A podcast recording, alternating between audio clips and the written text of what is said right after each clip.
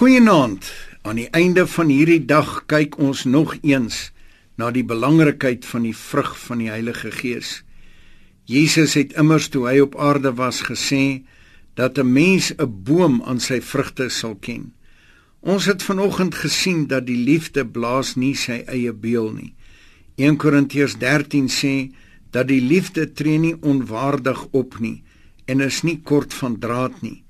Miskien is dit goed as ons nou vanaand ons gedagtes oor al die gebeure van die dag laat gaan en kyk of daar by nadenke nie dalk tog geleenthede was waar ons onwaardig opgetree het nie.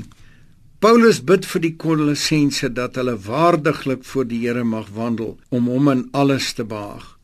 Miskien was daar iets in hierdie dag wat gebeur het en by nabetragting blyk dit dat jy kort van draad was. Hierdie woord nie oorspronklike kan ook dui op liggeraaktheid.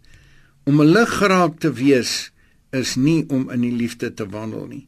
Om jou vir die geringste iets wat nie na jou smaak is nie te wip is nie om in die liefde te wandel nie. Die liefde treur oor die onreg wat plaasvind. Ons leef in 'n wêreld waar daar so geweldig baie onreg plaasvind. Daar is byna nie meer 'n faset van die samelewing dat daar nie een of ander onreg plaasvind nie.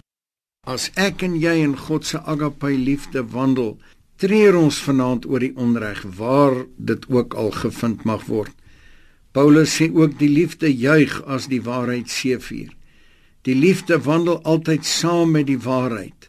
Waar die waarheid ook al uitkom, veroorsaak dit dat die liefde juig. God se woord is die waarheid en waar die woord ingang vind in mense se harte, is daar altyd groot blydskap by hulle wie in God se liefde wandel. Die woord sê dat die liefde bly steeds vertrou en dit hou aan met hoop en dit verduur alles. Om 'n dag te kan afsluit in die liefde, ervaar ons voortspruitend uit die liefde ook die vreugde en die vrede van God. Kom ons bid saam. Here Jesus, ons kom vanaand na U toe en dra hierdie aand aan U op. Baie dankie dat ons 'n nagrus in u vreugde en vrede kan hê.